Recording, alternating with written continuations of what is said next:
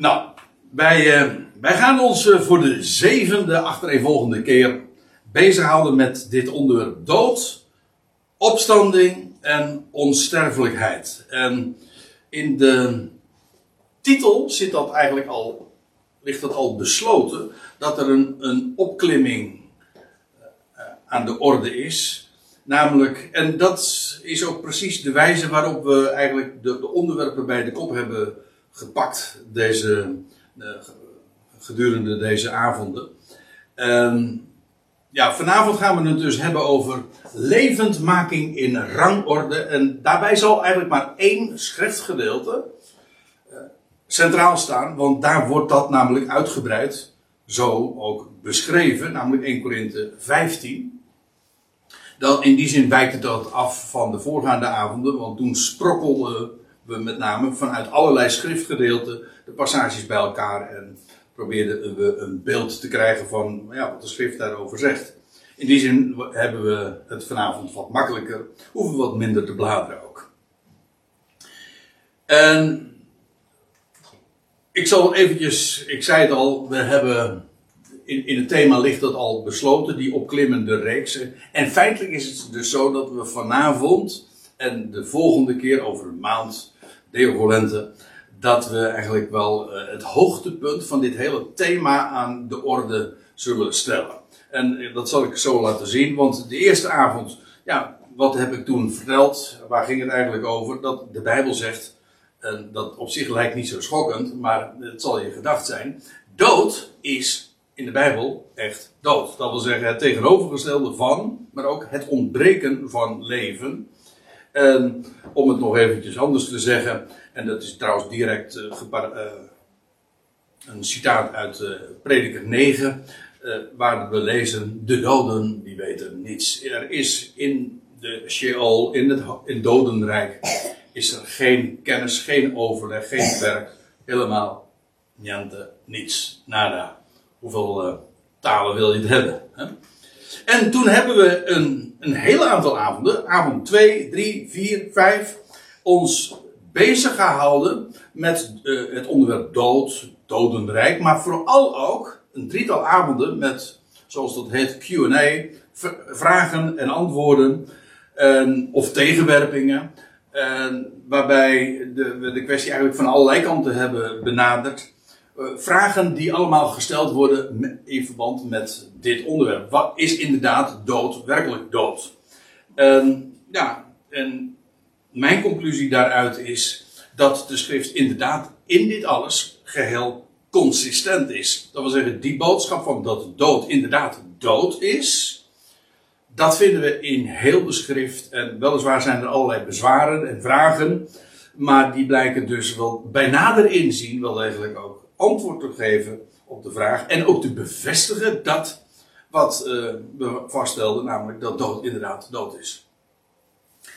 En toen, dat was de voorgaande avond, de avond 6. Toen hebben we ons bezig gehouden met het onderwerp tweeërlei opstanding. Dus de eerste avond, de eerste vijf avonden over de dood.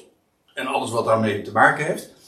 Uh, de vorige avond, toen hebben we ons bezig gehouden met opstanding dat kwam natuurlijk in de voorgaande avonden daar ook al uh, links en rechts en via allerlei andere invalshoeken ook aan de orde. Maar toch, het echte onderwerp van opstanding kwam de vorige keer uitgebreid aan de orde. En toen hebben we vastgesteld, er zijn twee soorten opstanding.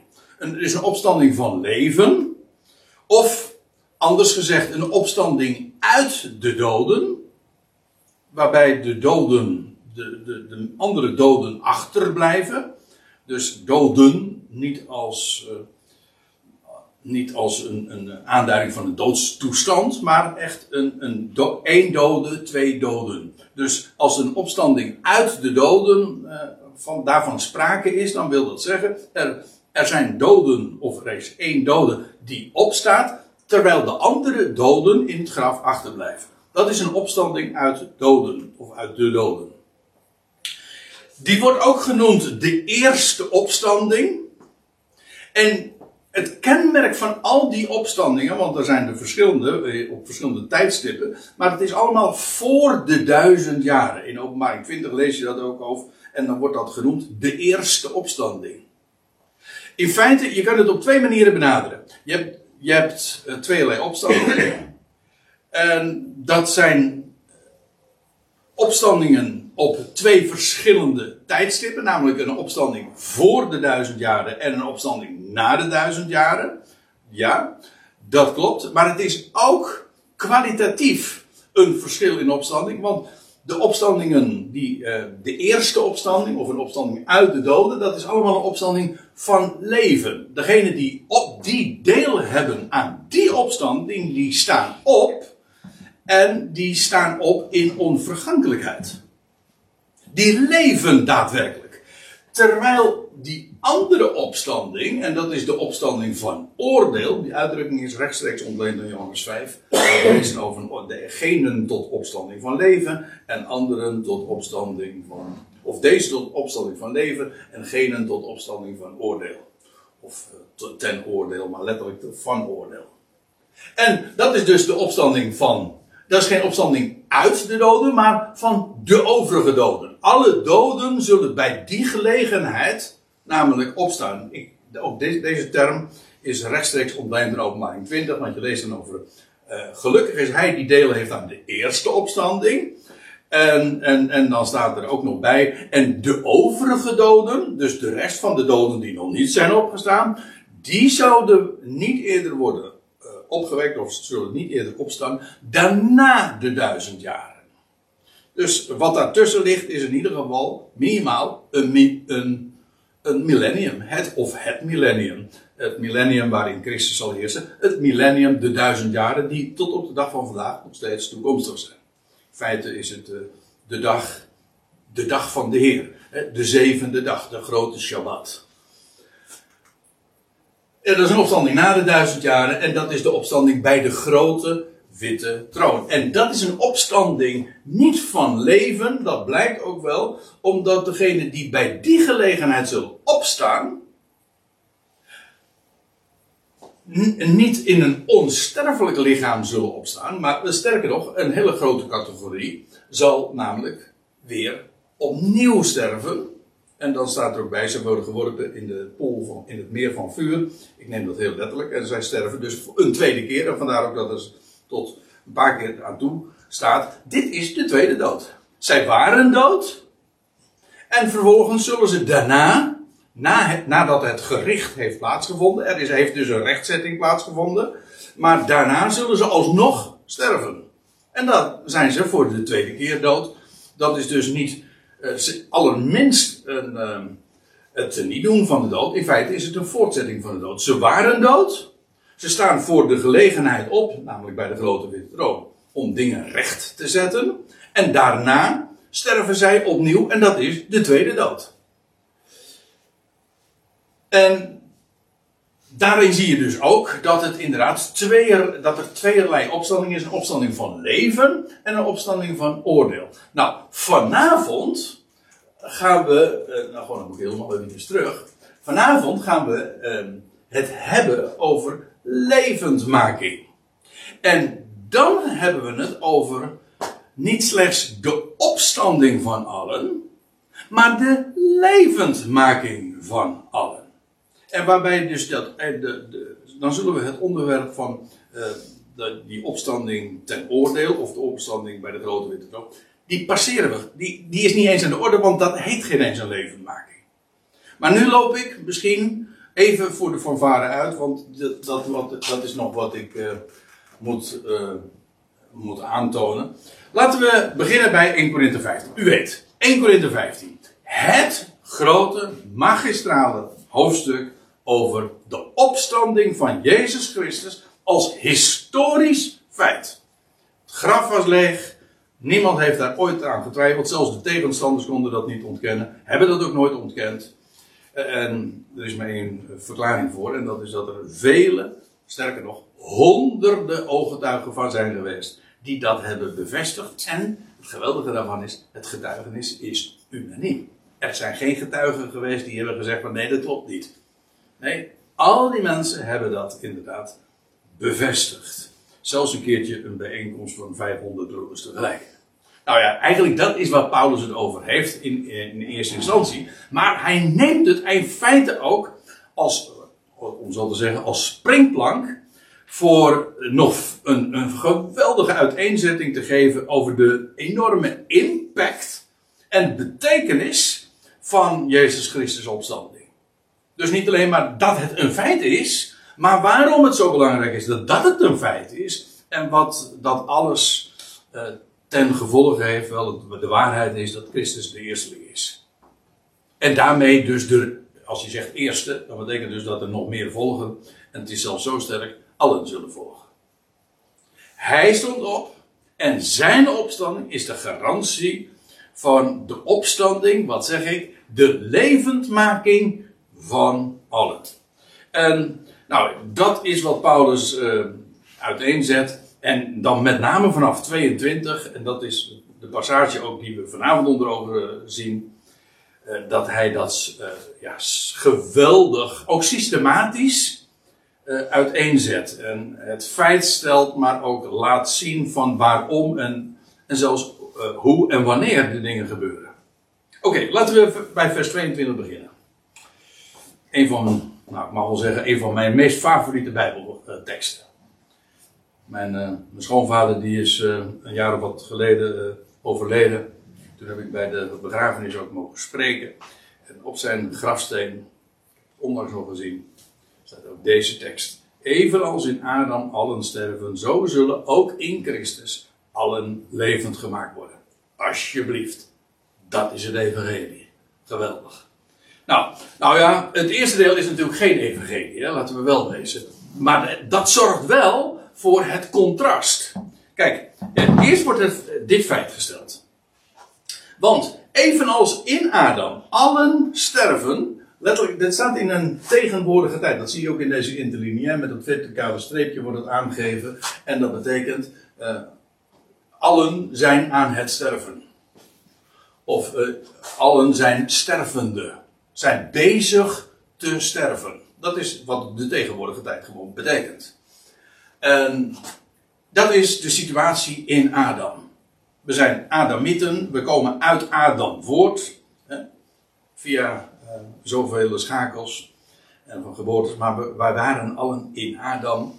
En daar zijn wij uit voortgekomen. En in Adam zijn allen, alle Adamieten, het hele menselijk geslacht, uh, zijn stervelingen.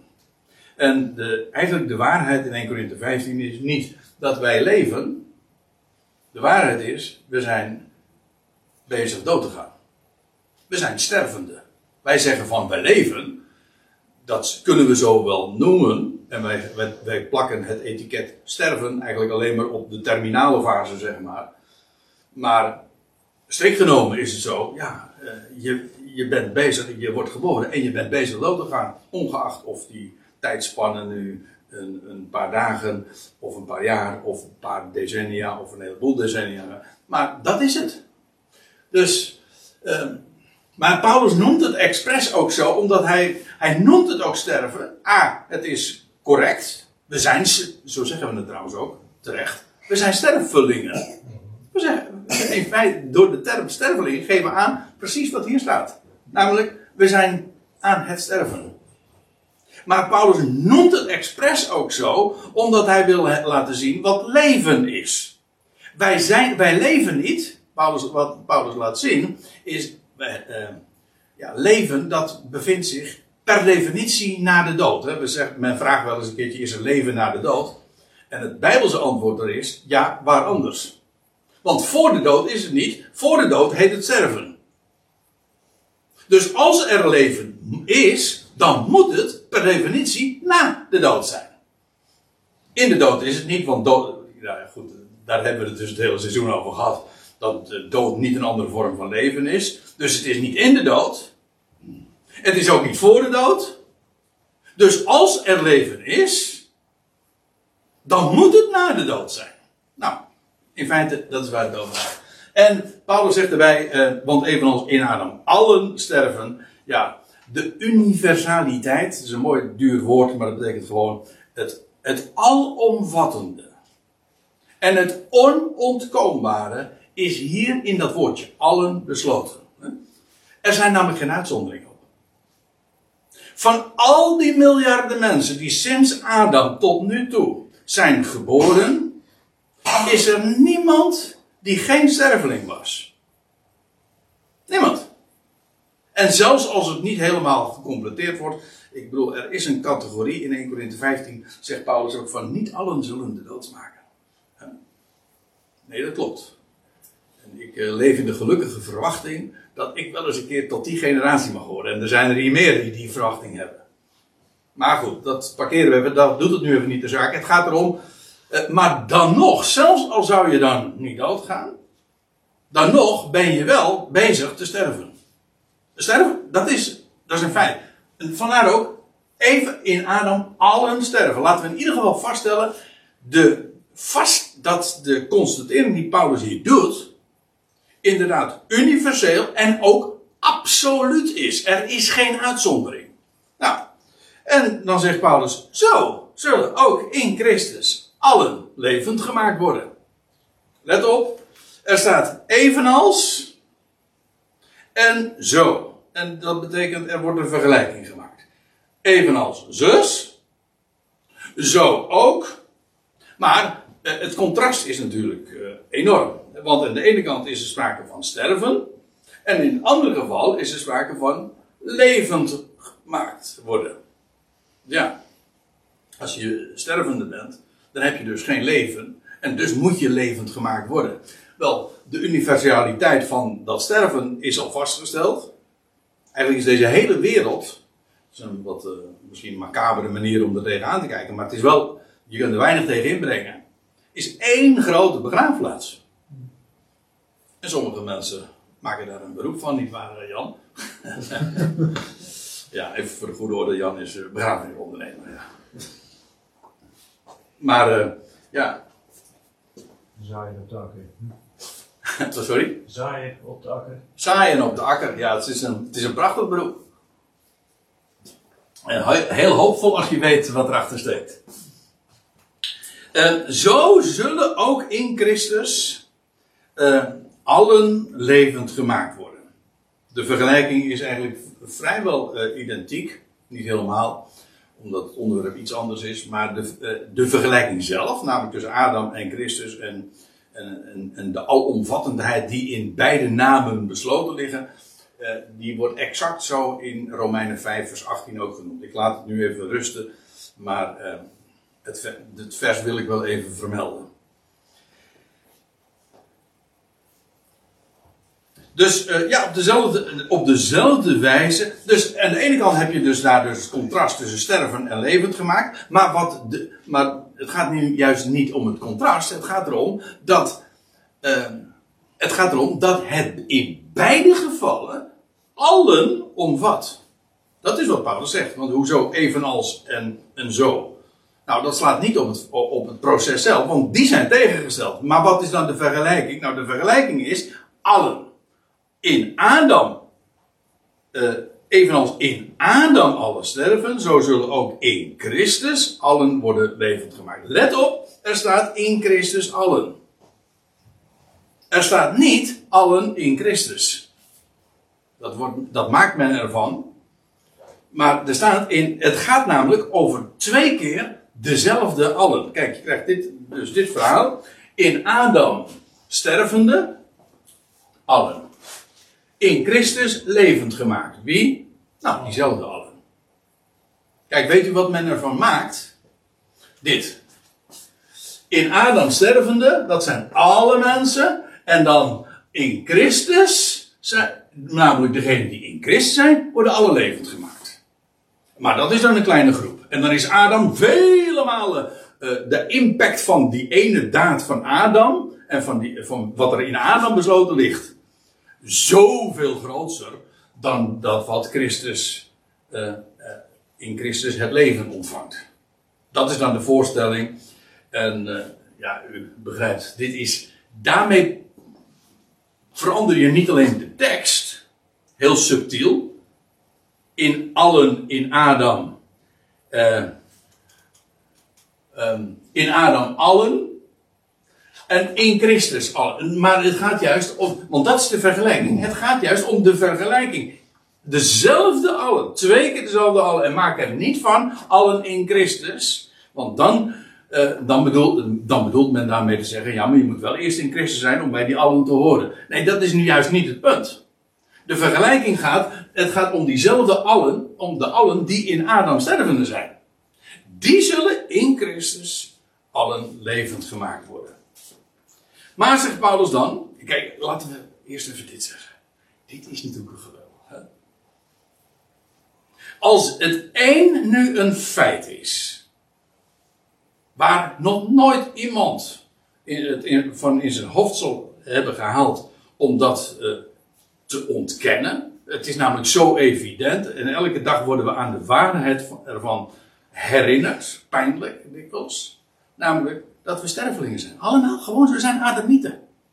En, nou, en nou zegt Paulus, er is levendmaking. Voor wie? Voor allen. Hoe dan wel? Of in wie dan wel? In Christus. En dan gaat hij ook uitleggen in vers 23. Laten we, nou en de rest. Laten we het uh, gewoon maar eens op de voet volgen. Ieder echter in de eigen rangorde. De term die Paulus hier gebruikt is een militaire term. Uh, dat moet met 1L zijn, ja. Uh, maar goed. dat is verschillende afdelingen. kijk, het is een militaire term. Dat kan duiden op een, een rangorde. Gewoon, je hebt, zoals je in in het leger heb je de landmacht, de marine, de luchtmacht, de infanterie, de cavalerie. Ik heb niet in het leger gezeten, maar goed. Dit weet ik dan wel. Hè? Dat zijn afdelingen. Maar uh, dat is de ene, dat is, dat is een, een, militaire afdeling. Ook in de zin van rangen. Die term is in dit verband helemaal leuk natuurlijk, omdat het aansluit bij de, het vertaalwoord. Rangorde heeft te maken met rangen. En waarbij ik moet zeggen, de rangorde bepaalt ook de volgorde. In welke volgorde vindt er uh, plaats? Wel, naar rangorde. Trouwens, laten we wel wezen, die levendmaking vindt niet allemaal tegelijkertijd plaats. Hè? Maar dat geldt eigenlijk voor het sterven natuurlijk ook. In Adam sterven allen, ja, maar niet allemaal tegelijkertijd dat is ook, dat verloopt in proces. Nou, ik zou niet durven zeggen in rangorde, maar in ieder geval niet allemaal tegelijkertijd. Dus in, met, op zich met het feit dat we niet allemaal tegelijk sterven en ook niet allemaal dezelfde tijdspannen krijgen toebedeeld. Er is, er is zoveel verschil.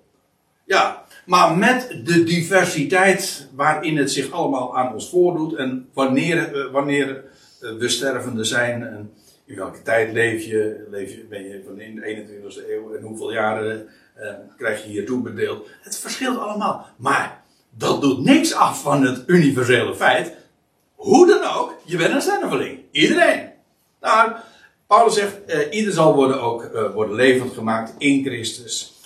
ieder echt echter in eigen rangorde. Dus niet allemaal tegelijk. En de rangorde is belangrijk. Kijk, ik heb hier eventjes plaatjes van het Kent u dat spelletje Stratego nog? Ik, volgens mij wordt het niet veel meer gespeeld. Maar het is destijds. Oké. Okay. Dat ga jij straks ook doen. Als, uh... ja. ja, we gaan ze goed drillen. Hè? maar uh, het zou zomaar kunnen dat ik. Ik, ik, heb, vroeger, ik heb vroeger heel vaak gespeeld van een leuk spelletje. En dan had je de generaal, en je hebt de kolonel, en je hebt de major. En, en de kapitein. En dan, moet je, dan moet je de rangorde ook kennen. Want ja, als dan de kapitein een sergeant tegenkomt van de tegenkant, dan is die sterker. Hè? Dus eh, dan is die rangorde is belangrijker. Ja, de laatste twee moeten andersom eigenlijk. Hè? De laatste twee moeten andersom. Is het zo? Ja. Oh ja, natuurlijk. Ja, ja, ja, ja. Die hebben een schoot verweten. Ja, die heb ik ook nog. Ja, maar ook de mineur en, en de bom. en, en er was er nog eentje. Verkenner. De verkenner, oh ja. ja. God, het is echt een tijd geleden. Nou ja, uh, laten we, laten we eventjes, uh, dat laten we wat is. Het gaat er maar om, er zijn verschillende rangorden. En als daar, ja goh, in het leger is dat helemaal sterk. Uh, wie mag het eerste opdraven en wie moet het eerst, nou dat, de hoogste natuurlijk. Hè. En dus de volgorde wordt bepaald ook door de rangorde. En dat is in feite wat we hier ook zien. Ieder echter in de eigen rangorde. Betekent dus niet alleen maar niet allemaal tegelijk, maar er zijn rangen. En standen, om zo te zeggen. Dus de universaliteit, dat wil zeggen de alomvattendheid, die is vastgesteld. Allen worden levend gemaakt, maar in rangorde. En Paulus gaat dat ook zo uiteenzetten. Hij zegt als eersteling Christus. En daarmee worden we natuurlijk uh, verwezen naar een, feit. Dat hij is de enige, hij is, dat zegt 1 Timotheus 6 ook, hij is tot dusver de enige die onsterfelijkheid heeft. Ik bedoel, de rest volgt allemaal nog, maar er is op dit moment nog maar één mens die onsterfelijkheid heeft. Namelijk Christus. Die het graf leeg achterliet. Hij is de eerste, en dat, ik vind het wel erg uh, mooi, dat, uh, dat zelfs in de term al iets uh, besloten ligt van, van rangorde. Tenminste, dat zie je bij de eerste, de first, maar de voorste. Maar on, Koningsdag, hè. De vorst is eigenlijk de vorst is degene die de voorste is. Hij gaat voorop. Ja, waarom? Nou, hij is de, hij is de eerste. En ja, is dat een prestatie? Nou, helemaal niet. Als, je, het, is, als het, uh, het toeval hè, wil dat jouw wiegje gestaan heeft in het koninklijk huis, ja, dan, dan, dan wil je dat. Ik bedoel, daar zijn ze, of je daar blij mee moet wezen, dat weet ik. Dat is nog een heel verhaal apart. Maar ook dat is weer iets. Uh, je bent gewoon de eerste. En, en, en, onze vorst is de eerste. Hij is overal de nummer één. Was geen prestatie. Nee, dat is, het is wat het is. En uh, ja, zo is dat in de natuur ook. Eerst afgelopen zondag hebben we in Zuidwolde daar nog wat uitgebreider over nagedacht. Maar goed, Christus, hij is de eerste. God heeft hem ook opgewekt. Hij heeft het volbracht, hij is gehoorzaam geworden tot de dood enzovoort. Jawel, maar toen was hij dood en God heeft hem opgewekt uit de doden. Ik, en dan moet ik heel belangrijk zeggen. Dit is echt heel fundamenteel. Voor het verstaan ook van, uh, van de rest. Christus is de eersteling, jawel. Maar dan moeten we wel zeggen van niet de eerste die opstond uit de doden. Dat is essentieel, hè? Hij is niet de eerste die opstond. Ik bedoel, ga maar na. Alleen al in de Evangelie, je leest over de jongeling van Nain, over Lazarus, het dochtertje van Jairus. Trouwens, in het Oude Testament lees je ook een enkele keer al van opstanding. Maar dat was. en toch is Christus de eersteling. Waarom? Wel, het antwoord is: hij is de eerste die opstond in onvergankelijkheid. Hij leeft. Dat wil zeggen, hij is niet. Kijk, al die mensen die ik hier noem, of al die mensen is overdreven, want het valt wel mee hoor, maar in ieder geval, die mensen die daarvoor opstonden, die, die werden opnieuw, die stonden op, jazeker, maar die werden opnieuw weer sterveling. Ze keerden dus eigenlijk terug naar het vergankelijk bestaan. In feite is dat ook aan de orde straks bij de grote witte troon. Dat is ook weer een terugkeer naar het vergankelijke leven voor een bepaald doeleinde. Maar die mensen die sterven dus per definitie gewoon weer een tweede keer. En dat is, geldt voor deze namen ook, die ik hier noem. Van de, voor zover we ze bij namen kennen dan. Uh, maar die zijn weer opnieuw uh, gestorven. Maar van de Heer Jezus Christus lees je, uh, dat staat in Romeinen 6 vers 9, wordt er, hij, uh, hij stond op om, nim, om nooit meer te sterven. Hij heeft de dood, de, hoe staat het er? De dood heeft geen macht meer over hem. Dus hij leeft. In de, in de, met allemaal hoofdletters, zo bedoel ik het. Hij, de dood heeft geen grip meer op hem. Dat heeft hij met recht dus achter zich gelaten. En daarin is hij de eersteling. Dus als het hier gaat over levendmaking, dan is, het een, dan is dat dus niet hetzelfde als opstanding. En dat is nou precies wat ik vanavond uh, heel erg sterk wil benadrukken. Opstanding en levendmaking hebben alles met elkaar te maken, maar ze zijn niet identiek. Levendmaking is wel altijd opstanding, maar opstanding is niet altijd levendmaking. Oei. Ik bedoel, een mus is altijd een vogel, maar een vogel is niet altijd een mus. Toch? Nou, en deze twee onderwerpen, dus er is, er is, er is dus heel veel raakvlak.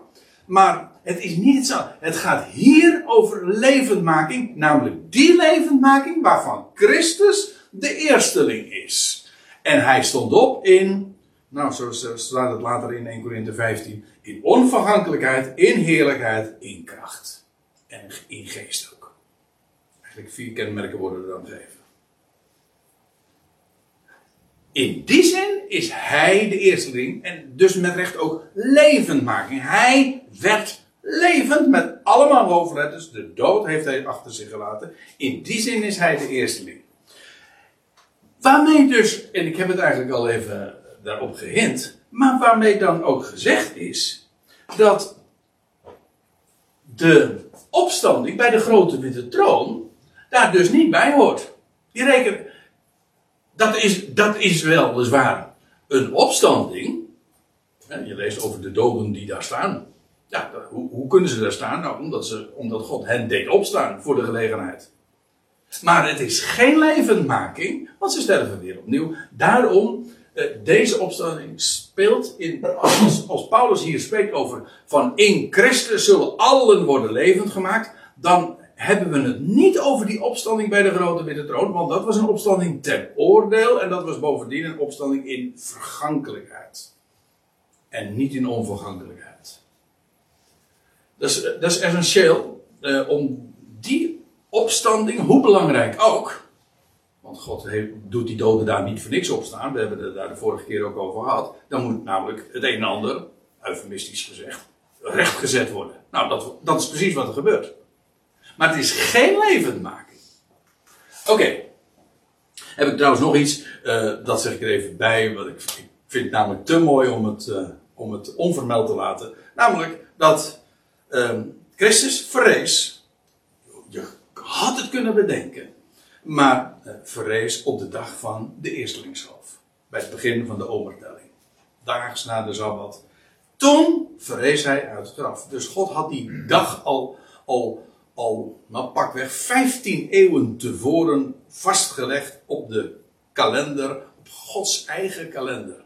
De hoogtijden van Yahweh. Net zo goed als hij de dag van Pascha, de dag dat de Heer stierf, ook al had vastgelegd. De 14e Aviv. En uh, trouwens, even hier, hier aan voorafgaand lees je nog in vers 20 is dat, dat Christus de eersteling is van de ontslapenen. Van allen die ontslapen zijn, die nu dus slapen, ze, worden ze heten slapend, maar daar hebben we het over gehad, omdat ze weer op zullen staan. Dat is één. En ze heten in, tweede in de tweede zin ook slapend, omdat ze zich van niks bewust zijn. Daarom slapen ze ook. Dus uh, linksom of rechtsom, de term is, uh, heeft uh, die betekenis en die aspecten allemaal. Maar waar het om gaat is de eerste in Christus. Hij is de garantie niet alleen maar dat allen zullen opstaan, ook dat, maar dat allen worden levend gemaakt, zoals hij als eersteling is levend gemaakt. En de dood definitief achter zich heeft verlaten. Hoe meer je erover nadenkt, hoe geweldiger het wordt. Ik vind dit. Uh, ja, ik zei al, uh, we hebben echt te maken in deze reeks van in de serie hebben we echt te maken met een opklimming. Eerst hou je je bezig met de dood. En dat is spectaculair genoeg. Als je gaat ontdekken wat de schrift over de dood zegt. En dan ga je ontdekken wat, wat, de, schrift zegt over opstanding en de soort opstanding. En nu komen we bij een onderwerp. Ja, dat is zo glorieus. Dat is echt het, het hoogtepunt. namelijk, dan hebben we het over levendmaking. Niet slechts over opstanding ten oor. Nee, over levendmaking waarbij het leven triomfeert, zoals Christus als eersteling verrees uit het graf. Oké, we hebben het dus over volgorde. De eersteling hebben we vastgesteld. Dat is een, maar dat is nummer één. Nou ja, dat klinkt een beetje denigrerend. Ik, bedoel, in aantal, dat is, dat is nummer één. Ja, maar in die ene is juist de garantie geweest, zoals in Adam alle sterven, zo zullen in Christus, de eersteling, de vorst, de first, allen worden levend gemaakt. Maar er is nu tot dusver nog maar één. Dat betekent dus, de rest volgt nog. Wanneer dan? Nou, zegt Paulus, en dat, dat is de tweede etappe, om zo te zeggen, om even in wielrennen termen te zeggen. Vervolgens degenen van Christus in zijn parousia. En ik heb het expres maar eventjes het Griekse woord aangehouden.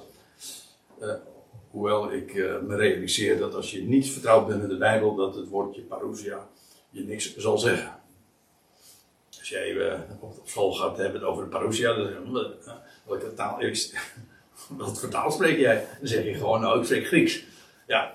En weet je, de aardigheid van het woordje parousia, uh, daar staat het eigenlijk afgeleid van, uh, dit heeft te maken met het werkwoord zijn, en dit is het uh, voorzetsel, dat betekent erbij, en vandaar ook aanwezigheid. En je hebt ook het tegenovergestelde van aanwezigheid, van parousia, en dat is apousia, en dat is ook een voorzetsel, en dat wil zeggen afwezigheid. De aardigheid is dat in Filippenzen 2 vers 12 beide termen worden gebruikt. En dan gaat het trouwens over Paulus zelf, hij zegt, hij zegt heeft hij over zijn afwezigheid, maar ook weer over zijn toekomstige aanwezigheid. Maar uh, eigenlijk, het wordt heel vaak vertaald met komst.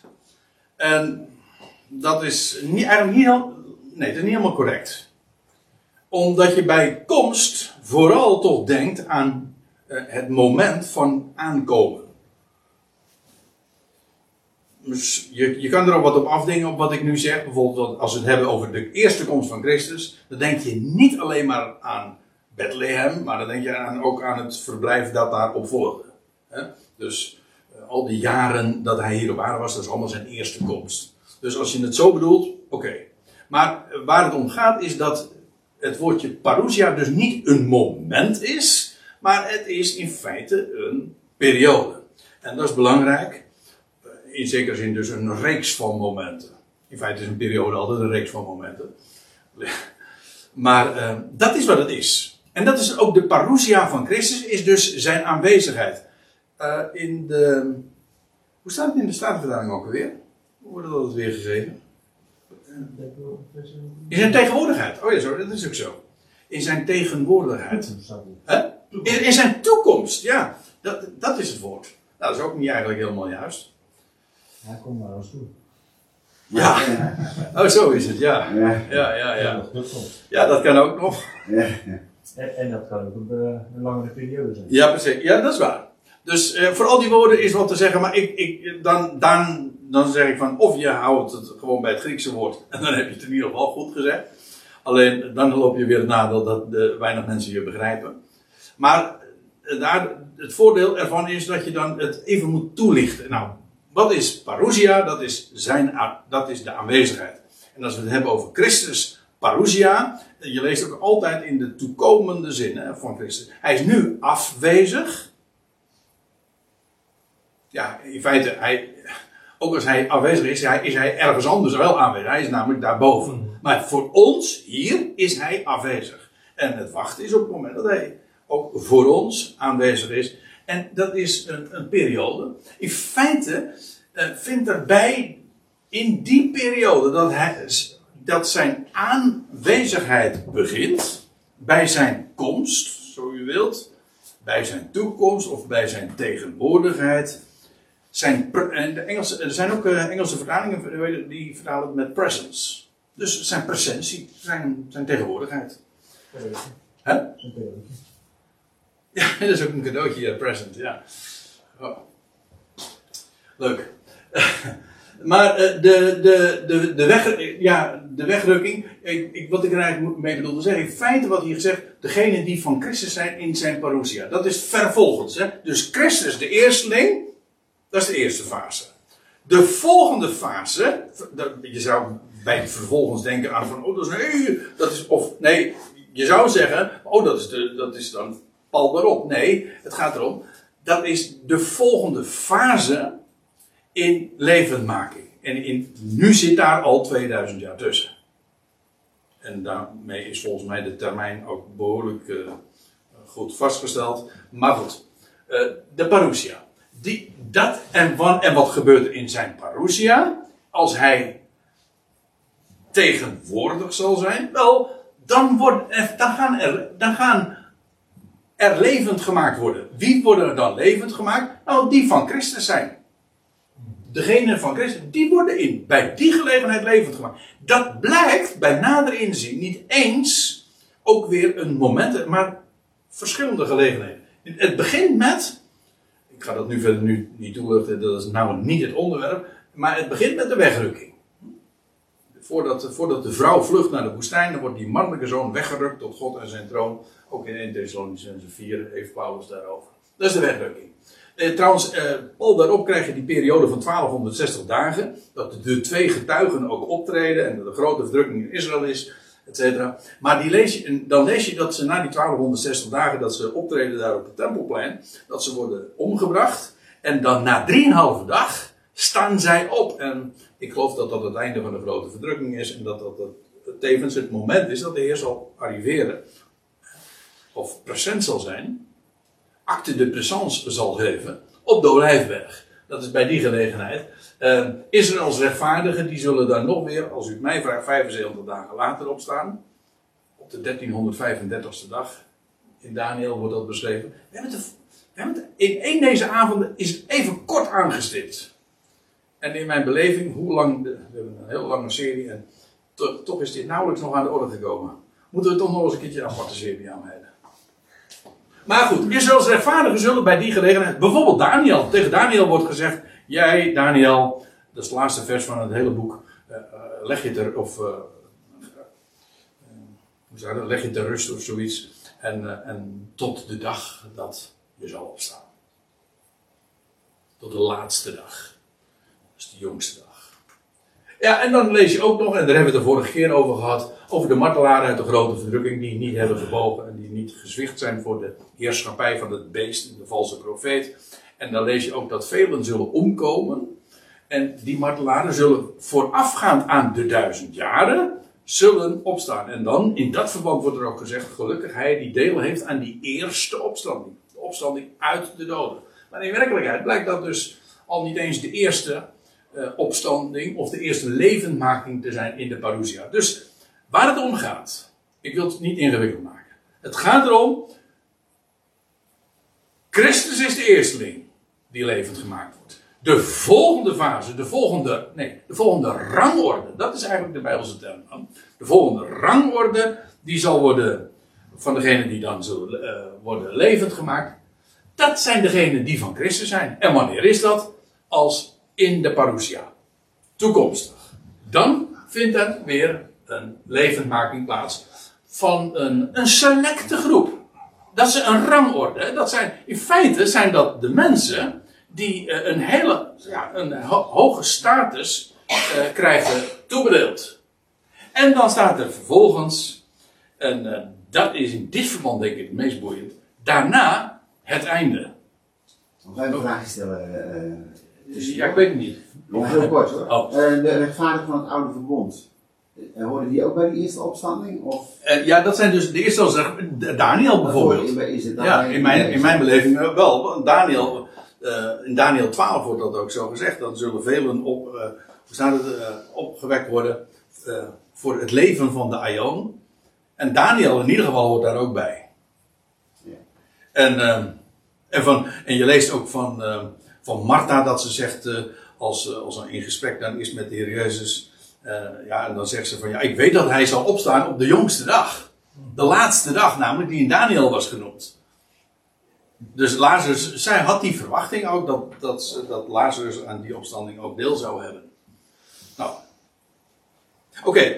Um, hoe, hoe het precies zal gaan bij die, die, die levendmaking in Christus parousia en de, vang, de volgorde van momenten daarin. Wel, uh, ik wil dat uh, nu niet te veel daar, dat uitzoomen. Om, waarom? Ja, want ik wil bij vers 28 uitkomen. En, en vooral nou deze derde fase, of die derde rangorde, die is buitengewoon belangwekkend om te zien en met, eigenlijk standaard over het hoofd gezien wordt. Daarna het einde. Ja, van wat? Als je nou gewoon. Dit is, dit is ABC van begrijpend lezen. Als Paulus zegt. Allen zullen worden levend gemaakt. Maar in, in zijn eigen rangorde. Christus de eerste. Daarna, of vervolgens, die van Christus zijn in zijn parousia. Daarna het einde. Van wat? Ja, van de levendmaking, want dat was namelijk de, de rangorde waar hij het over had. En als allen worden levend gemaakt, en Christus is levend gemaakt, en vervolgens degene die van Christus zijn levend gemaakt in zijn parousia ook, ja, dan blijft er dus nog een hele grote categorie over, namelijk de rest. Die niet van, zeg maar, die niet behoren bij de categorie van die van Christus zijn, wel, die moeten ook nog levend gemaakt worden. En wanneer is dat? Nou, dat is het einde, dat is het laatste.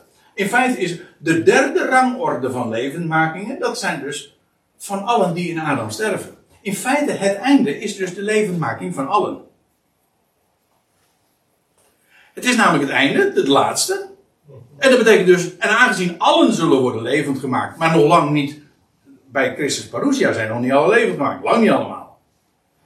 Dat betekent dus dat de rest bij deze gelegenheid dus levend gemaakt wordt. Daarna het einde, dus allen worden levend gemaakt. Oké, Christus, degene die van Christus zijn in zijn parousia, dat is de tweede rangorde. En dan het einde. Nou, van de overigen, of van alle overigen. Trouwens, de aardigheid is, hier staat het woordje telos, of telos. En telos, dat betekent, uh, dat is niet alleen maar einde, maar ook het doeleinde. Dus en dat uh, geeft ook aan dat alles hierop gericht is. De levendmaking is pas compleet als allen zijn levend gemaakt. En wanneer is dat? Nou, we worden op onze wenken bediend. Want Paulus zegt van, daarna het einde.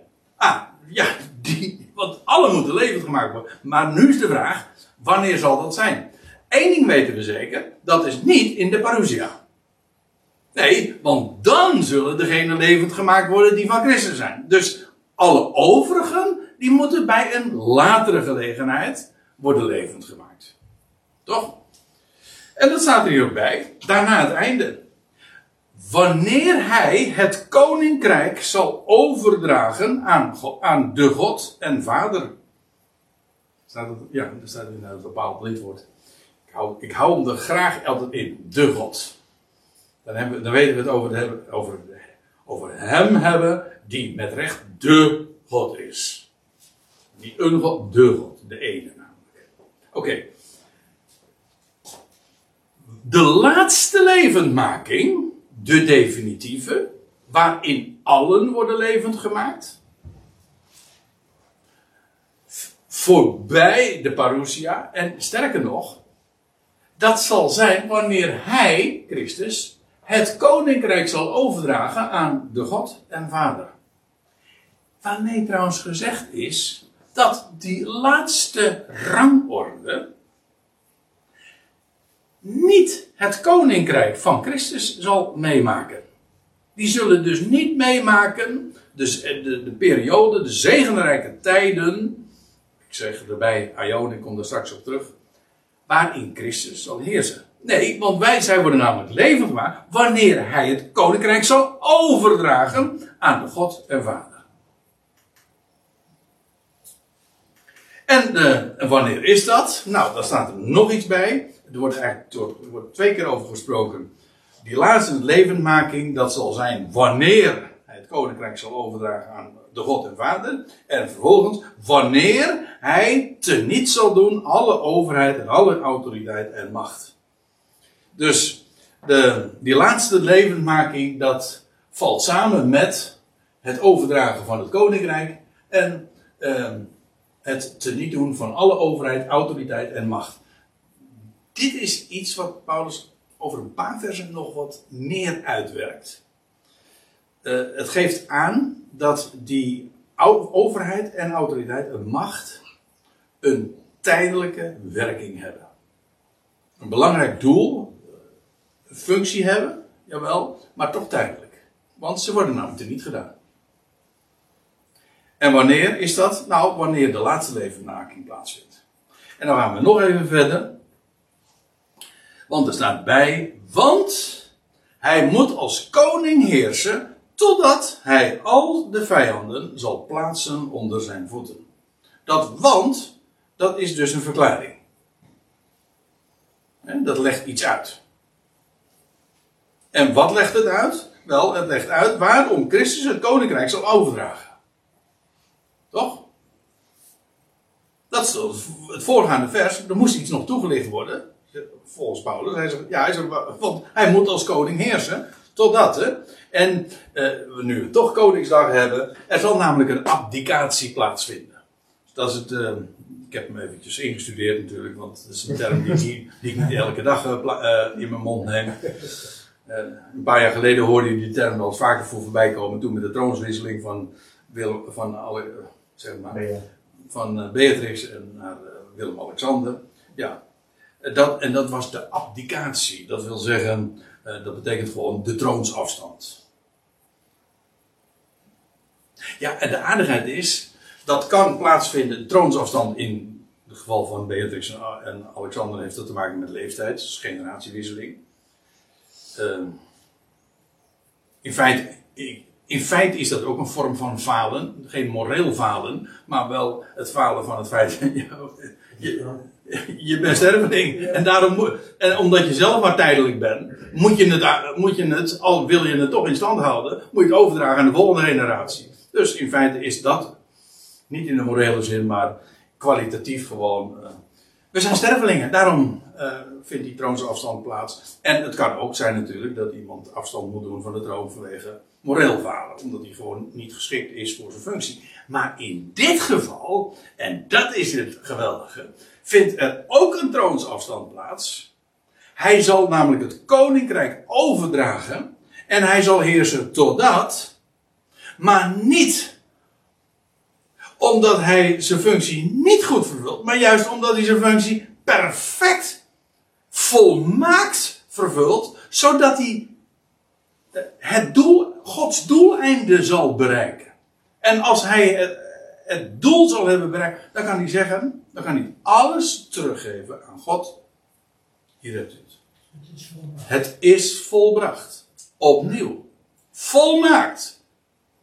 En dan draagt hij het over, juist omdat hij precies gedaan heeft wat zijn God en Vader hem te doen heeft gegeven. Namelijk om al de vijanden te plaatsen onder zijn voeten. De term is trouwens direct ontleend aan, uh, aan twee psalmen. Psalm 8, waar het feitelijk niet over Adam gaat, maar over de laatste Adam, over de Ben-Adam. Die term wordt daar trouwens ook gebruikt. En over Psalm 110, waar je leest over dat. Uh, zet, zet u aan mijn rechterhand, wordt het tot tegen de Messias gezegd. Zet u aan, dat is de huidige situatie feitelijk. Christus is aan Gods rechterhand. Totdat ik uw vijanden gesteld zal hebben tot een voetbank voor uw voeten. En dan staat er in het volgende vers erop. Ik zeg tot hem, heers te midden van uw vijanden. Maar dat is nog toekomstig. Dus ja, hij moet als koning heersen. Uh, hij moet als koning heersen totdat hij al de vijanden zal plaatsen onder zijn voeten. Kijk, nu de huidige situatie is, ik wees er al even op, nu zit Christus, nu zit hij, ja, maar uh, dat zitten, dat heeft niet alleen te maken met hij zit, in de zin van uh, uh, triomf. Het werk is gedaan, dat is trouwens ook Hebreeën 10. Hij zit, in de, in de, je leest in de tabernakel of de tempeldienst, er waren er geen stoelen. Maar wij hebben een priester die zit. Waarom? Het werk is volbracht, precies waar we het net over hadden. Hij zit, hij zit aan Gods rechterhand. In Hebreeën wordt dat geweldig uitgelegd. Er worden vier, vijf motieven in de Hebreeënbrief genoemd waarom hij nu zit. Prachtig onderwerp trouwens. uh, ja, hij zit, en, maar dat zitten, hij is ook een wachten. Uh, er staat van, hij is, gezeten aan Gods rechter, voorts wachtende, totdat zijn vijanden gesteld zijn tot de voetbank voor zijn voeten. En dat is uh, Hebreeën 10, vers 13. Ja, en wanneer gaat hij dan heersen? Je zou kunnen verdedigen dat hij nu heerst in genade, de genadetroon. Maar weet u wat het betekent als je heerst in genade? Als je puur heerst in genade, dat betekent dat je gewoon niks, niet ingrijpt. Als je heerst in rechtvaardigheid, dan zet je de dingen recht. Maar als je heerst in genade, dan laat je de dingen geschieden. Nou, dat is in feite wat er nu gebeurt. God grijpt niet in. En dus, oké. Maar actieve heerschappij vindt pas plaats, begint bij zijn parousia. Dan verschijnt hij en dan begint zijn heerschappij. En dan lees je ook, hij heerst tot in de Ionen. Der Ionen. Beide wordt gebruikt. In Lucas 1 lees je over dat hij zal heersen tot in de Ionen. En in, deze tekst in de openbaring lees je over dat hij zal heersen tot in de Ionen van de Ionen. Wat trouwens exact hetzelfde is. Want dan krijg je dit plaatje. Uh, dat zijn, dit, dit is de Ion die, van de schepping. Dit is de Ion uh, die daarop volgde, de, het wereldtijdperk. Uh, Paulus, ehm, het, het Ion, hoe staat het? Ehm, oh ja, de, de toenmalige wereld die vergaan is. Uh, 2 Petrus spreekt daarover, dat is die Ion. Uh, de Bijbel spreekt ook over de Ionen die voorbij zijn. De Bijbel spreekt trouwens ook over voor de Ionen. De Ionen die voorbij zijn, dat zijn deze twee wereldtijdperken. En de huidige boze Ion, die begonnen is na de zondvloed. Dus die, uh, die gaat al een paar duizend jaar zo mee. En, ja, en we weten in ieder geval dat er nog Ionen zullen volgen. De Bijbel spreekt over, niet alleen over de toekomende Ion, maar over de toekomende Ionen. De kerkleer heeft daar een verschrikkelijke ratje toe van gemaakt. Echt verschrikkelijk, zeg ik dat, want dat is geen, dat is geen overdrijving, want, de, want die heeft, ja, theologen hebben de eeuwigheid uitgevonden. De Bijbel spreekt over ionen. Als Christus terugkomt, breekt niet een eindeloze eeuwigheid aan, dan breken de, dan breken de toekomende ionen aan, waarin hij zal heersen. Ja, dat is een totaal ander verhaal. En op het moment dat je gaat spreken in termen van eeuwigheid, ja, dan, uh, dan gebeurt er nog iets. Dan denk je dus ook dat de dood en het oordeel eindeloos gaan duren. En ben dan, dat ene woord eeuwigheid, wat men van Aion gemaakt heeft, terwijl Aionen in de Bijbel een begin en een einde hebben, eh, een eeuwigheid niet dus, per definitie, maar eh, op het moment dat je de term eeuwigheid introduceert, uh, wordt het evangelie ontnomen. Het verblindt je voor het evangelie. Dat is echt zo. Maar goed, de Ionen die nog gaan komen, daarin zal Christus heersen. Dat zijn in de eerste plaats de duizend jaren. En dan krijg je ook dat Jeruzalem dat uit de hemel zal neerdalen. Ik, ik, de, sommige mensen denken aan de kubus, ik denk aan de piramide. Uh, dat Jeruzalem dat uit de hemel neerdaalt, die stad van goud. Nou ja, anyway, uh, die beide Ionen, daarin heerst Christus. Dat zijn de, dat zijn de toekomende ionen, maar het zijn ook de ionen van de ionen. Dat wil zeggen, deze ionen die overtreffen de voorgaande. Dat is wat, het is een overtreffende trap. Hè? De, de koning der koningen is de meest overtreffende koning. Het heilige der heiligen is het meest overtreffende heiligdom. De ionen der ionen, dat zijn de meest overtreffende ionen. Nou, dat klopt exact. Want die ionen die nog gaan komen, dat zijn de ionen der ionen, Daarin zal Christus heersen. Niet alleen in de duizend jaren, maar ook in dat tijdperk daarna. Nou, en inmiddels zie ik dat het vijf over negen is, dus ik denk dat we het verstandig gaan doen om uh, te gaan pauzeren. Oké, beste mensen, wij gaan, uh, wij gaan weer verder. We hadden hele boeiende gesprekken zo in de pauze over die laatste Ayan. En, uh, daar moeten we het ook nog wel even over hebben. Ik liet als laatste, voorafgaand aan de pauze, nog even dit plaatje zien. Eigenlijk een kort schematisch overzicht van de ionen. Met uh, in de middelste, eigenlijk in het midden der ionen het kruis. Geweldig natuurlijk, hè? dat is een prachtige symmetrie die je dan ook weer ziet. Maar de toekomende ionen, dat zijn de overtreffende ionen. Waarom? Omdat dat ionen zijn de wereldtijdperken waarin Christus zal heersen. Maar, en nou komt een heel belangrijk punt, uh, want wat lezen we? En dat staat strikt genomen nergens anders. Namelijk dat Christus moet heersen totdat. En ook wat dat betekent en wat er dan gaat gebeuren. Want u weet net zo goed als ik, als je tenminste niet geheel een vreemdeling in het kerkelijk Jeruzalem bent, dat er heel wat liederen zijn die gaan over Christus heerst in eeuwigheid. Er komen zo een paar uh, nummers uit de opwekking, maar volgens mij ook uit Johan de Heer. Maar zo over de geest, over dat hij zal heersen in alle eeuwigheid. Trouwens, dat is helemaal niet zo gek dat men dat zo zingt. Want in onze Bijbelvertalingen wordt het ook gezegd. In openbaring 11 vers, 5, vers 15, daar staat, en hij zal heersen, dat is bij die zevende bezuinigde, en hij zal heersen tot in, staat er dan in de MBG aan, tot in alle eeuwigheden. Of tot in alle eeuwigheid. Dat staat er niet, maar dat heeft men ervan gemaakt.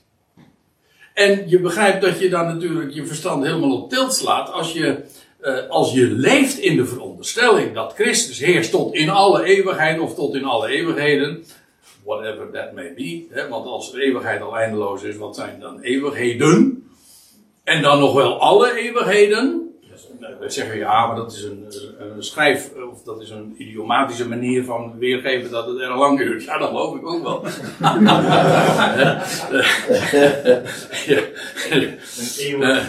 Ja.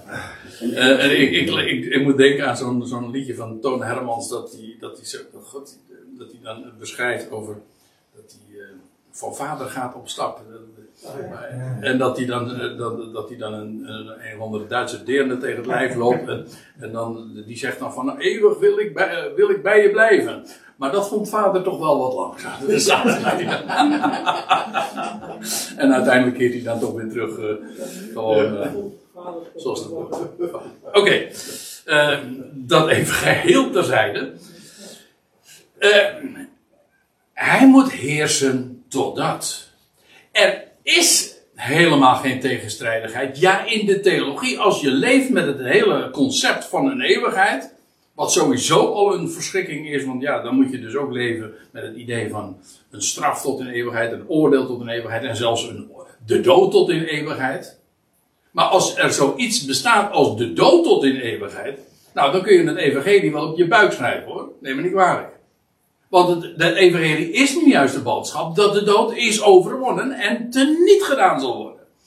Zie je, dat is maar dus niet een kwestie van een vertaalwoordje dat niet helemaal correct is. Nee, het is, het is killing. Het is fataal voor het verzicht. Je kunt het evangelie, zwart-wit, zoals ik nu zeg, maar ik hou van duidelijkheid en ik meen het ook echt zoals ik het zeg. Je kunt het evangelie niet zien op het moment dat je leeft met het concept van een eeuwigheid. Kan niet. Um, Oké. Okay. Uh, er staat hier dus in 1 Corinthië 15 vers 22, uh, 25. Hij moet als koning heersen totdat hij al de vijanden uh, zal eh, plaatsen onder zijn voeten. Dus Christus heerst inderdaad tot in de Ionen. Of tot in de Ionen der Ionen. Maar niet eindeloos. En als je het gewoon correct de termen gebruikt, Ionen, of voor mij maar eeuwen, dat is ook goed. In de zin dan niet van 100 jaar, een periode van 100 jaar, maar van wereldtijdperken. Als je dat gebruikt, dan snap je het. Dan zal hij heersen tot in de Ionen. Maar die Ionen zullen een vol, die hebben een begin, maar die hebben ook een voleinding. En in die toekomende Ionen zal Christus heersen. En dat is heel erg lang, ja, inderdaad, want de duizend jaren sowieso al. En hij zal zijn troon ook niet meer overdragen. Je leest ook.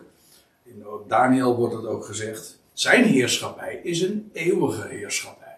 Hij zal hem namelijk niet aan de, hij hoeft hem niet meer aan een volgende generatie over te dragen. Zoals alle of alle koningen uit het huis van David dat wel hebben moeten doen. Ja, want die gingen allemaal weer dood. Maar deze koning, die, die leeft. De leeuw van Juda. Hij is het lam dat geslacht en maar staat. Eens voor altijd leeft. Oké, met dat feit. Uh, uh, ja, hij zal heersen in de duizend jaar, maar ook in die tijd daarna nog. Hij moet heersen als.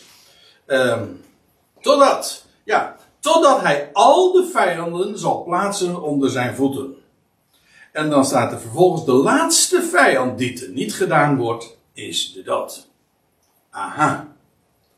Dit is ook weer uh, zo'n belangrijk gegeven. Maar als je tot dusver goed en aandachtig gelezen hebt. En, en je bent in staat geweest om, om te lezen wat er staat. Maar ook om alle traditionele inzichten eventjes helemaal aan de kant te schuiven. Als God je dat vermogen geeft, want hij moet je ogen daar echt voor openen. Traditie verblindt. Maar als je dat, dan, dan is dit zo volstrekt logisch. De laatste vijand die er niet gedaan wordt, is de dood. En dit moet inderdaad voorbij openbaring 21 en 22 zijn. Dat kan niet anders. Daar hadden we het in de pauze nog over. Eh, meestal zeggen we van ja, openbaring 21 en 22, dat is het laatste van de Bijbel. Ja, maar Paulus, dus hier in 1 Korinthe 15, ziet voorbij die horizon. Dat is onmiskenbaar.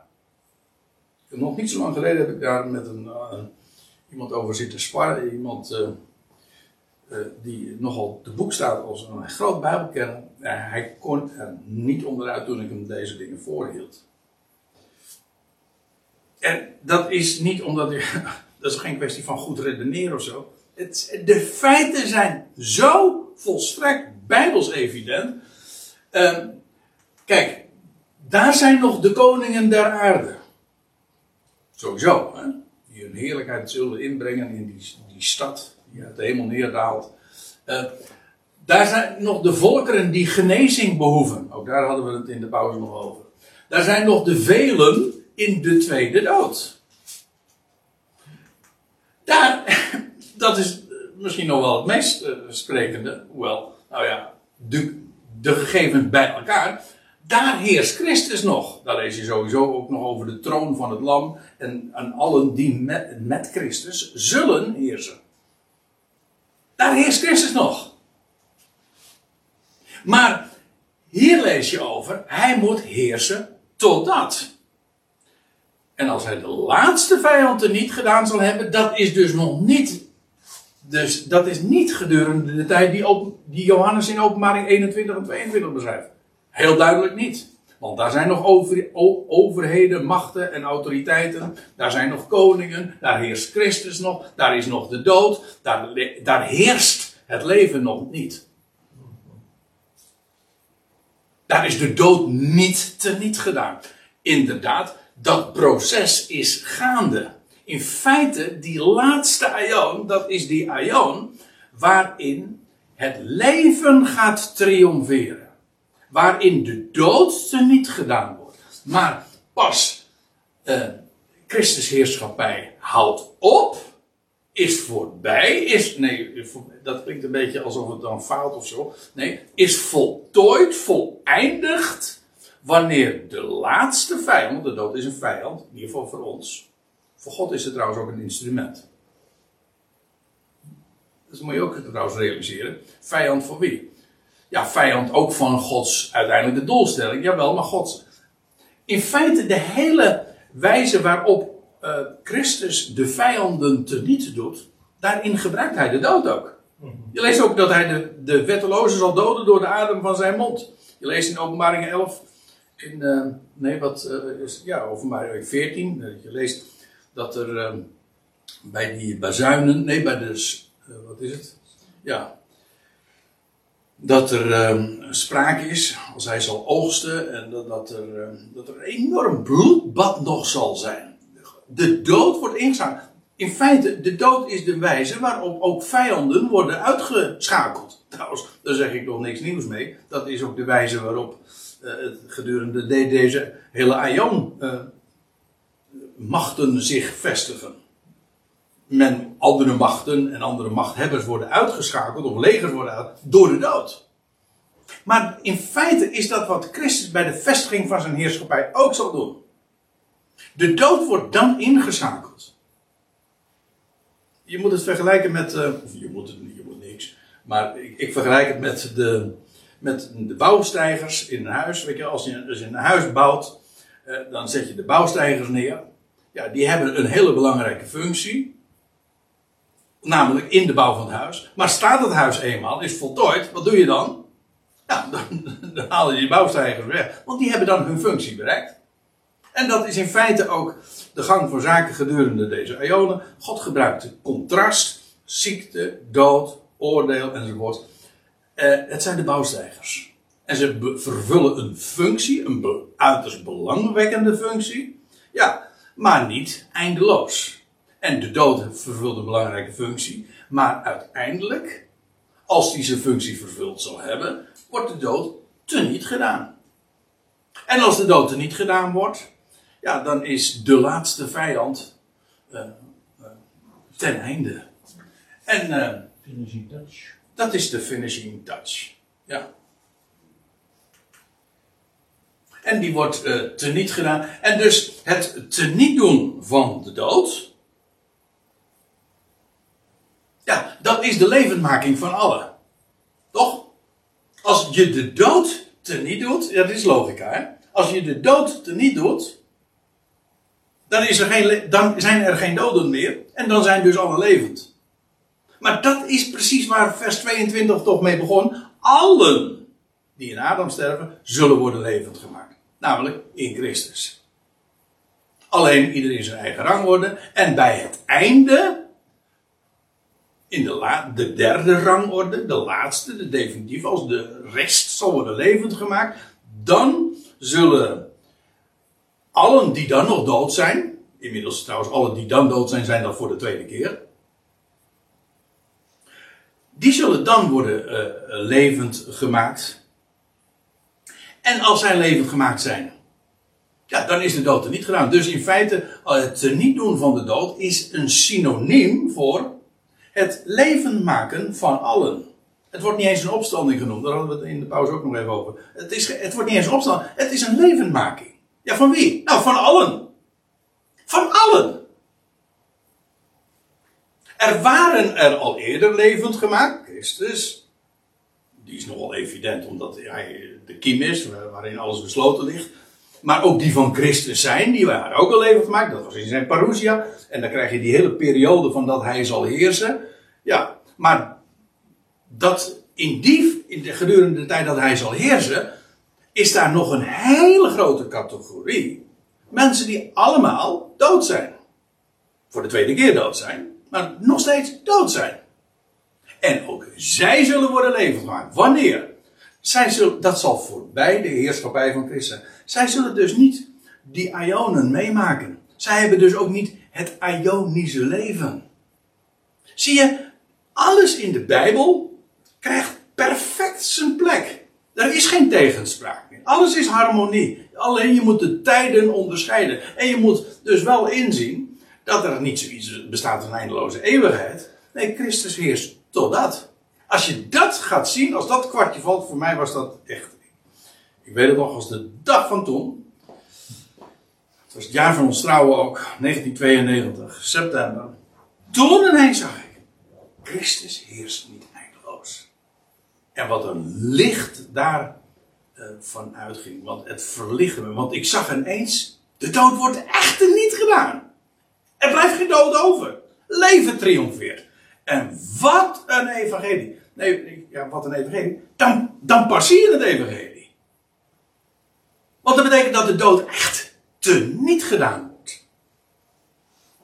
En uh, dan zullen alle knieën zich buigen? Ja, ja, uiteraard. Ja, sorry, dat klinkt nou wat uh, als ik het zo zeg. Maar dat kan niet anders. Want, kijk, degenen die bij de grote witte troon zijn opgestaan, die zijn gericht. Dus alles is al rechtgezet. Zij ontvangen niet het leven, zij zullen niet de delen in de heerschappij van Christus, ze maken dat niet mee.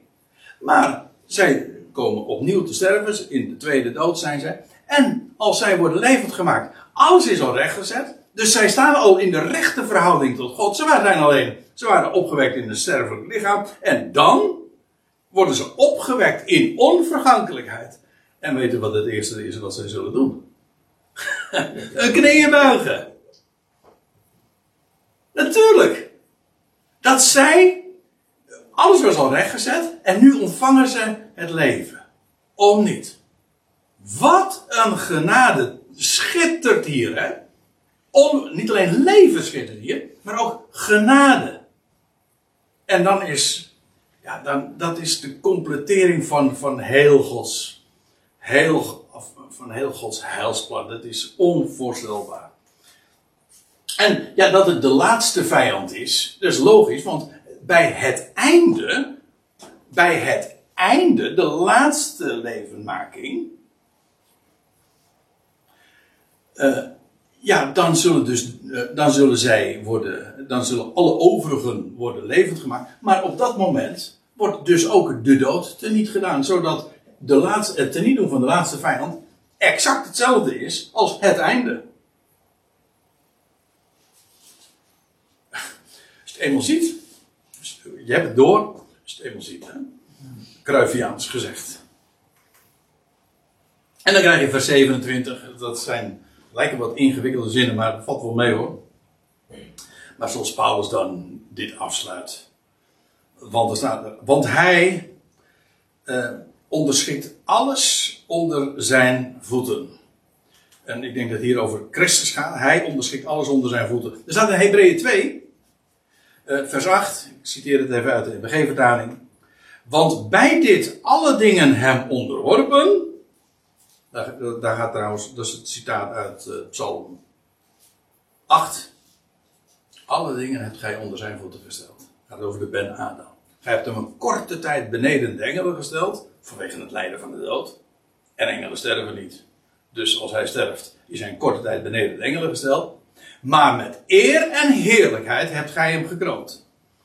En alle dingen hebt gij onder zijn voeten gesteld. En dan de, de Paulus, of uh, wie de schrijver dan ook van de Hebreeënbrief mag wezen, uh, die zegt dan, ja, want bij dit alle dingen hem onderworpen, heeft hij niks uitgezonden dat hij niet onderworpen zou zijn. Voilà. Dus alles is alles. Dood is dood, ja, maar alles is ook alles. Maar nou, uh, nou ja, je zou kunnen zeggen, er komt een maar, maar dat, dat maar is niet een reductie op de tekst, maar een, een, een vanzelfsprekendheid. Dat is wat Paulus eigenlijk zegt. Wanneer hij echter zegt, en hij is, uh, ik denk dat dat dan over God gaat. Uh, nou, dan moeten we het uh, nog maar eens over hebben. Ik geef hem even ter overweging mee. Wanneer hij echter zegt,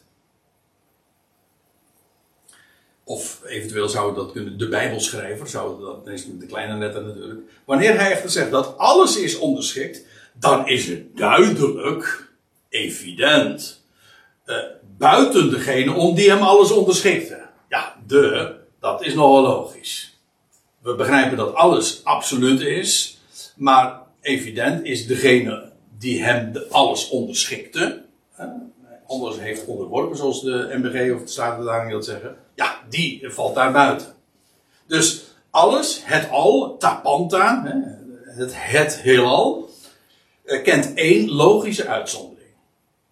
Dus aan de ene kant zegt de Hebreeënbrief van, ja, er is niks uitgezonderd. Ja, en Paulus zegt, ja, er is één logische uitzondering, voor zover dat een uitzondering is, namelijk degene die hem alles onderschikt heeft. En dat is God, namelijk de Vader. En dan weet ik wat. Dan kun je de leer van de drie weer gaan inbrengen, maar daar heb ik ook al geen boodschap aan. Daar hebben we trouwens de vorige, vorige seizoen al over gehad. Dat probleem hebben we al getackeld. Nou ja, voor zover het een probleem is, of kan zijn. God, de Vader. Die hem alles al heeft onderschikt. En God gaf hem ook deze opdracht. Om alle dingen aan zijn voeten onderwerpen. En dat heeft hij ook gedaan. En dat doet hij ook, dat doet hij ook systematisch. En bij voorbaat is al vastgesteld wat de laatste vijand zal zijn. Dat is ook trouwens een heel logische, dat, de, pas, dat hij de dood als laatste pas zal uitschakelen. Ja, als je de vijanden, andere vijanden uitschakelt met de dood. Dan blijft er dus één vijand over. Prachtig, ja, inderdaad, dat is het. De vijanden worden uitgeschakeld door de dood. En als, dan blijft er dus nog één vijand over. De dood zelf. Ja, en hoe doet hij die er niet? Door alle leven te maken. Ja, noem het een truc. Ik vind het, ik vind het een goddelijk meesterwerk. om dit zo te bedenken. Dus uh, Thessalonicense, toch? Verbijt elkaar met deze woorden, toch? Ja, echt. Zijn andere woorden, maar... Ja, ja, zeker. Um, vertroosten, bemoedigt elkaar met deze woorden, ja. Met, met, woorden van levend maken. We hebben een levende God, we hebben een levende woord, we hebben een levende Christus. Ja, en dit is, dit wat, dit, weet u, ja, daar gaan we de volgende keer erover hebben. Dit is echt zo'n goed bericht. Waarom? Dit is, ik, ik heb van de week heb ik nog een heel artikel zitten lezen in het Reformatorisch Dagblad. Dat ging over het aanbod van de genade. En toen iedere keer dacht ik echt, my goodness, my goodness. Ze begrijpen echt, dat zeg ik, met, ik, heb passie voor deze hele, voor de, voor de Revo-wereld, echt, meen ik echt. En ik zeker in voel ik er ook heel veel uh, connectie mee. Maar we begrijpen het echt. Uh, hoezo aanbod van genade? Het is helemaal geen aanbod. Het is een mededeling. Alsof je dat kan weigeren. Helemaal niet. Het is de mededeling en je gelooft het of je gelooft het niet. Maar als je het niet gelooft, dan blijft de mededeling gewoon staan. Als ik zeg dat vandaag uh, Willem-Alexander uh, zijn verjaardag viert, dan is dat een mededeling. En als u zegt van ik geloof het niet, dan ben u geen gelovige, in dat opzicht dus. maar Willem-Alexander blijft net zo goed jarig hoor. En dat verandert niet omdat u het niet gelooft. Kijk, en dat is met, dat is met, het, dat is met het evangelie ook zo. Veranderen, voor u verandert er heel veel, of voor, voor, u, gewoon voor de mensen in het algemeen, of je het gelooft of niet, ja, dat maakt een heel verschil. Het evangelie is een kracht gods voor een ieder die gelooft. Ja, maar het evangelie is een boodschap dat gaat over het hele mensdom. In Adam sterven allen. Dat is geen, dat is geen goed bericht. Nee, dat is waar. Maar het is wel een goed bericht dat zoals in Adam allen sterven, zo dezelfde wijze, zullen in Christus allen worden levend gemaakt. Is dat een goed bericht of niet? Het is zo geweldig. Vertel het. Vertel het. En, en, en somm, bij sommige mensen. Want uh, je zou zeggen van, nou, god, dit, dit is zo logisch, zo solide, zo bijbels, zo dit, dit, iedereen zegt, wauw, geweldig, wil je hier komen spreken? De kans om gaan open. Nou, echt dus niet, hè? Als je dat denkt. Je denkt dat je er, mocht je denken dat je de populair moet worden, zeggen, probeer het maar eens uit. Ja. Probeer het maar, het is zo duidelijk, zo geweldig. En, en, dan, en, dan, en dan, dan vertel je het. En uh, je stuit op massieve aanwijzing. En weet u, dan kun je op twee manieren benaderen. Kun je zeggen van, ja, mensen willen het niet zien. En uh, dat is de traditie die hen verblindt. En, allemaal tot je dienst. Maar ik hou erg van de goddelijke benadering. En dat is, God opent oog. En dus, als je het mag zien, is dat zijn genade. Dat is echt waar, hè? Dit is ook zo fundamenteel. Er is dus, alle roem is uitgesloten. Als je deze dingen mag verstaan, dan komt dat slechts door één reden. En God heeft jouw ogen en oren en hart daarvoor geopend. Dus een groot voorrecht.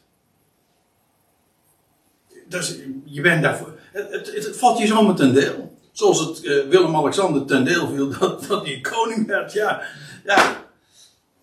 Ja. Maar er komt een moment dat alle knietjes gaan buigen elke tong het gaat beleiden. Dat wat wij nu al mogen doen. Ja. Nog één vers. Wanneer nu alles aan hem onderschikt wordt. Zo, zo staat het letterlijk. In de tegenwoordige tijd ook weer. Wanneer alles hem, aan hem onderschikt wordt. Hè? Dus inclusief eh, de laatste vijand. Alles hè. Inclusief de laatste vijand. En er dus ook niemand meer dood is. Dat is de consequentie natuurlijk. Als er geen dood meer is, dan zijn alle levend gemaakt. Maar daar ging het juist over. Daar begon in feite Paulus' uiteenzetting ook over. Dit vers, vers 23 tot en met 28, is in feite een toelichting op vers 22. Namelijk, allen zullen uh, in Christus, ja, nou moet ik zelf, uh, in, in Christus zullen allen worden levend gemaakt. Namelijk de allen die in Adam sterven. Hoe dan wel? In, nou, zegt Paulus, in een rangorde. En dan, dan volgt die uiteenzetting van wanneer dat dan wel zal zijn, et cetera. Maar eh, de waarheid is die van vers 22. Nou, wanneer nu alles aan hem onderschikt wordt, dan zal ook de zoon zelf worden onderschikt. Ik moet er trouwens bij zeggen dat hier in het Grieks een passieve vorm gebruikt wordt. Wordt uh, uh, onderschikt. Uh, ja, er staat in de MBG-vertaling, de Statenvertaling weet ik eigenlijk niet, heb ik niet nagekeken. Uh, of in ieder geval weet ik niet meer zo uit het hoofd. Uh, dan wordt het als een daad van Christus zelf beschouwd, maar zo staat het niet in het Grieks. Er staat, dan, er staat niet van, dan zal hij zich ook onderwerpen. Nee, hij zal onderschikt worden. Passief. Kijk, uh, Christus draagt het koninkrijk over aan God de Vader. Dat, dat doet hij. Ja, maar daar, zo wordt de zoon aan God onderschikt. Dus dat het ook in dezelfde. De passieve. Ja. Oh, de passieve vorm. Oh, dat is correct. Ja. Sorry? Niet in de HSV, niet dat van. eh, Er staat het, In de HSV, in de. Er staat, Ja. wat staat er in vers 28 nu? eh, en wanneer alle dingen aan hem onderworpen zijn, dan zal ook de zoon zelf zich onderwerpen aan hem. Nee. Nee, staat er niet.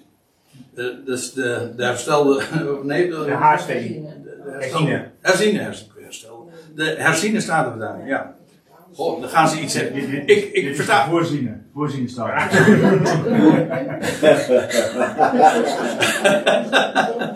Ja, ik heb altijd eh, gedacht dat als je iets herziet, dat je de fouten zeg maar corrigeert. Maar hier gebeurt juist eh, andersom. De HSP staat, eh, dan zal de zoon, ook de zoon zelf zich onderwerpen Ja. aan hem. Ja, precies, ja, precies wat Frank ook zojuist voorlas. Ja, nou dat staat er dus niet. Dus eh, de Statenvertaling is, de oude Statenvertaling is correct. Het is dus inderdaad passief. Dan zal ook de zoon zelf worden onderschikt. Zo staat het. Maar dat, eh, de gedachte is niet helemaal fout, dat laat ik dat er ook bij zeggen. Want inderdaad, Christus zal het koninkrijk overdragen, dat is actief, aan God de Vader. Maar zo wordt hij onderschikt. Nou, als je onderschikt wordt, dan betekent het dat je of gelijk staat of erboven. staat. Eerst- Hoe bedoel je? In eerste instantie. Ehm, nou, niet, nou, niet, niet Ja, erboven. Er, is wel, er staat dat eh, aan Christus de naam is gegeven boven alle naam. Ja, Dus eh, in, die, in dat opzicht. eh, zal hij weer terugtreden. Even in ieder geval, doordat hij zijn heerschappij, zijn koningschap, zal teruggeven. Er staat trouwens ook niet dat het koninkrijk dan ten einde is. Hij draagt het koninkrijk over ja. aan God de Vader. Dus eh, er staat ook in. Dat is een subtiel verschil. In eh, Lucas 1, daar zegt de engel tegen Maria. eh, en hij zal heersen tot in de Ionen over het huis van Jacob. En aan, eh, er staat, ja, en aan zijn heerschap. Nee, en aan zijn koninkrijk. Zijn koninkrijk zal geen einde nemen. Dat klopt. Zijn, oh, hij heerst tot in de Ionen. Maar zijn koninkrijk neemt geen einde, want hij draagt dat uiteindelijk over aan God de Vader. En dan is hij geen koning meer. Dat is waar. Want hij moet heersen, als koning heersen tot dat. Ziet u? Dus eh, ook dat soort eh, tegenstrijdigheden, die, eh, die verdwijnen op dat moment, als je dat ziet. Als ik hier En, als ik hier een opmerking over mag maken, want vers 27 eindigt ook, wat we net al bespraken, dat ehm, oh, wanneer eh, God zegt dat hem alle dingen onderworpen zijn, dan is het openbaar dat hij, uit, dat hij, God, uitgenomen wordt, die dus aan Christus alle dingen onderworpen heeft. ja, En nu onderwerpt zich Christus weer, zich weer aan, aan God. ja. Is dat geen dubbele onderwerping? Ehm, is het duidelijk? Ja, God zelf, eh, die, wordt, is, die wordt niet onderschikt natuurlijk. Nee, nee, dat klopt. Ja. En, en eh, als, als alles aan hem onderschikt is, dan zal hij het koninkrijk overdragen. En zo wordt hij zelf ondergeschikt. Ja. En eh, aan, als zoon trouwens ook. Hè? Dan zal ook de zoon zelf worden onderschikt aan degene die hem alles onderschikt. Ja, en dan nog, ehm, want we moeten eh, afronden. Maar ja, goh jongens, glorieuzer kan het niet. Maar, nou, Opdat God zij alles in allen. En nu hebben we het grote doel van God met deze hele schepping eigenlijk in het vizier. Uit hem, door hem en tot hem, in, en tot in hem eigenlijk, zijn alle dingen, is het al. En dat is met recht ook het, de waarheid. God, en dat is ook de doelstelling, vandaar ook dat opdat, opdat de God, ook hier weer, de God, zij alles in allen. Dan is er ook geen koningheerschappij meer. Dus in feite, dus die, dat, die, die, er stond ook in eh, wat we in de voorgaande versen lazen, geen autoriteit of macht meer. Want uiteindelijk die heerschappij eh, veronderstelt in feite nog steeds rebellie. Maar als eenmaal alles hem onderschikt is en alle knie buigt en alles vrijwillig en van harte God beleidt als vader, dan is de verhouding niet meer die van koning en onderdanen, dan wordt het één familie, de vader. Met een familie die volledig en van harte hem erkent. En dan is het dus niet meer alles onder zijn voeten, maar dan wordt God alles in al die mensen. Zoals God nu alles is in Christus. Heel de volheid van de Godheid woont in hem lichamelijk. Zo zal hij straks. Ja, moet je voor. Dit is zo alles. God was. Als ik het helemaal eventjes. Het totale plaatje over. Van, eh, neem vanaf. Eh, vanaf eh, voor de Ion al. God was voor de schepping alles in zichzelf. Nu is hij alles in Christus.